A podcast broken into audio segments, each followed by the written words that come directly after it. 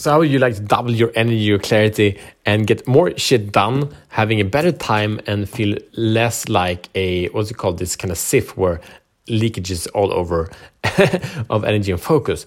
So that's what we're going to talk about today, and you're going to step away with a really practical uh, strategy that you can level up with. So, welcome to Show the Fuck Up Minute. My name is Matt Fyron, and this show is for men that are ready to free themselves from the prison of playing small, unleash their personal greatness. And this is not a quick fix, there are no quick fixes. We are on a lifelong journey, we will never arrive.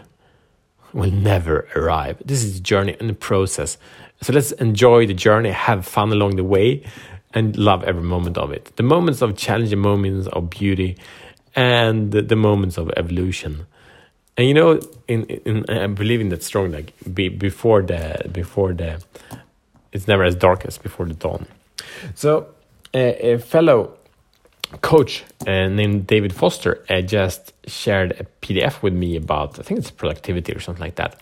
And for me i had most the things or like 95% in check really. But this one thing like ah shit this is a thing for me and as you know, I've been working on, on leveling up time management, and it's been beautiful the past two, three weeks. And mm, he gave a really good uh, strategy. And uh, I just had a, a mastermind and I had an accountability to implement this strategy. So I want to share with it straight away. So this is probably not new, but it's time to take action on it for me and probably for you as well. So the question is this How often are you checking, say, the things I'm checking often is like, uh, say, Facebook, Instagram, email, and Messenger. Uh, what what are you checking? Uh, what are you checking in? It's like what's happening here? What's happening? Maybe checking the news. Maybe checking the sports. Maybe checking, I don't know. Maybe checking WhatsApp. Wh- wh- whatever are you checking? Maybe checking on your colleagues. Maybe checking on who's drinking coffee. Maybe check. I don't know. Maybe checking what kids are doing. But what are you checking? And the point of this with the checking is that we are in a passive state. We're not there to do anything. We just want to check so things are okay. So this is a way that we can make things kind of safe, that we know we're not under attack. So we have that natural urge, and then when we see like it's okay, there's no panics, we feel good. So it makes sense in, in an evolutionary standpoint. However, it makes us suck. It makes me suck when I check these things. Um, because I get distracted, I get pulled in to something, and and I'm in a consumption mode and not in a creation mode. And being that I train my passivity instead of my creativity. And that's a disease.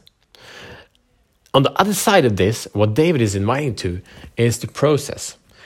So, what he's inviting to is to start processing the thing. So, if you go to Facebook, like whatever you have, maybe an intention, okay, I want to want to want to see who has been communicating me, or if you have a post or want to see what my friends have been doing and I process some or like some groups or whatever you want to process uh, that you do some certain specific activity right so you can do that or you can create a facebook post or a messenger is to actually respond you know i spend 15 minutes to respond to messages or to send some messages or whatever is a creative process within intention or with the mail i'm going to process you know emails for either 15 minutes or i'm going to process um, this email and that's the point, that's the purpose of that action.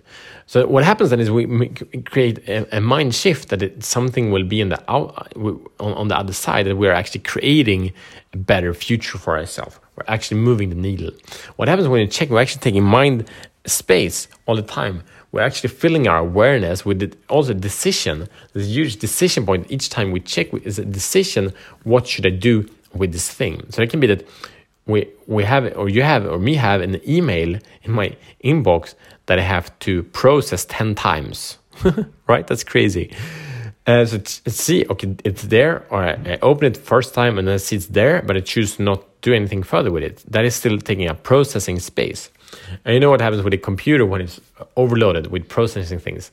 I can have quite a few things running on my computers. I always have this MacBook activity monitor running so I can see what's taking the, the, the processing memory and what can I shut down so my, my computer is energized and pumped up. The same with us, like what can I shut down so I stay on focus so all the energy goes to this certain and this moment. So in my my mastermind that I just finished now, my accountability is to check not process, but actually it's a bit more friendly because as you know, I love the, the show the fuck up life master planner, and a part of that is tracking. So tracking is a super powerful tool. So what I said when I check the coming week, when I check and I did my my five traps: is Facebook, uh, Instagram, Mail Messenger, and and my uh, investment portfolio. When I check these things, I will make a note on a post-it. I just make uh, draw a line on on the things I check, and by this this will raise my awareness. And it's already been now. It's been about an hour since I uh, created this uh, post-it, and just because of the word, I don't want to make these check marks. I didn't say I won't. I, I didn't say I, I cannot.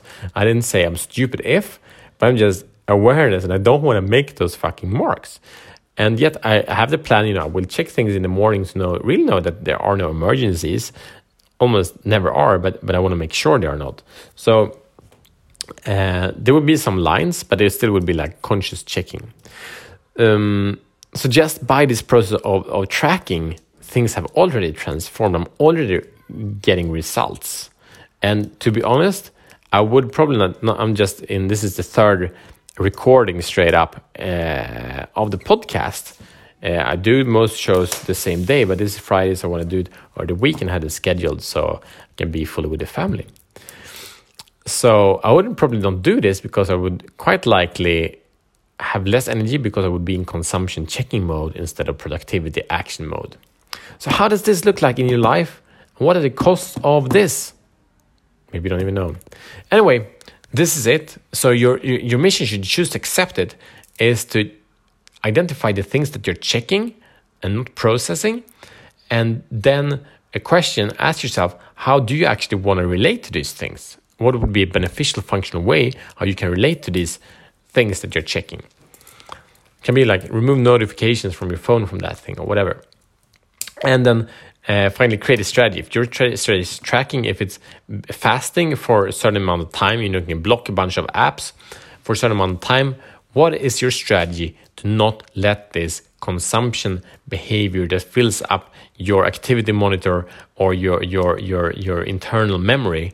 What is your way you're gonna mm, show the fuck up to this so you're not a victim of all these things going on in your life? That is it, and I see you tomorrow as better men.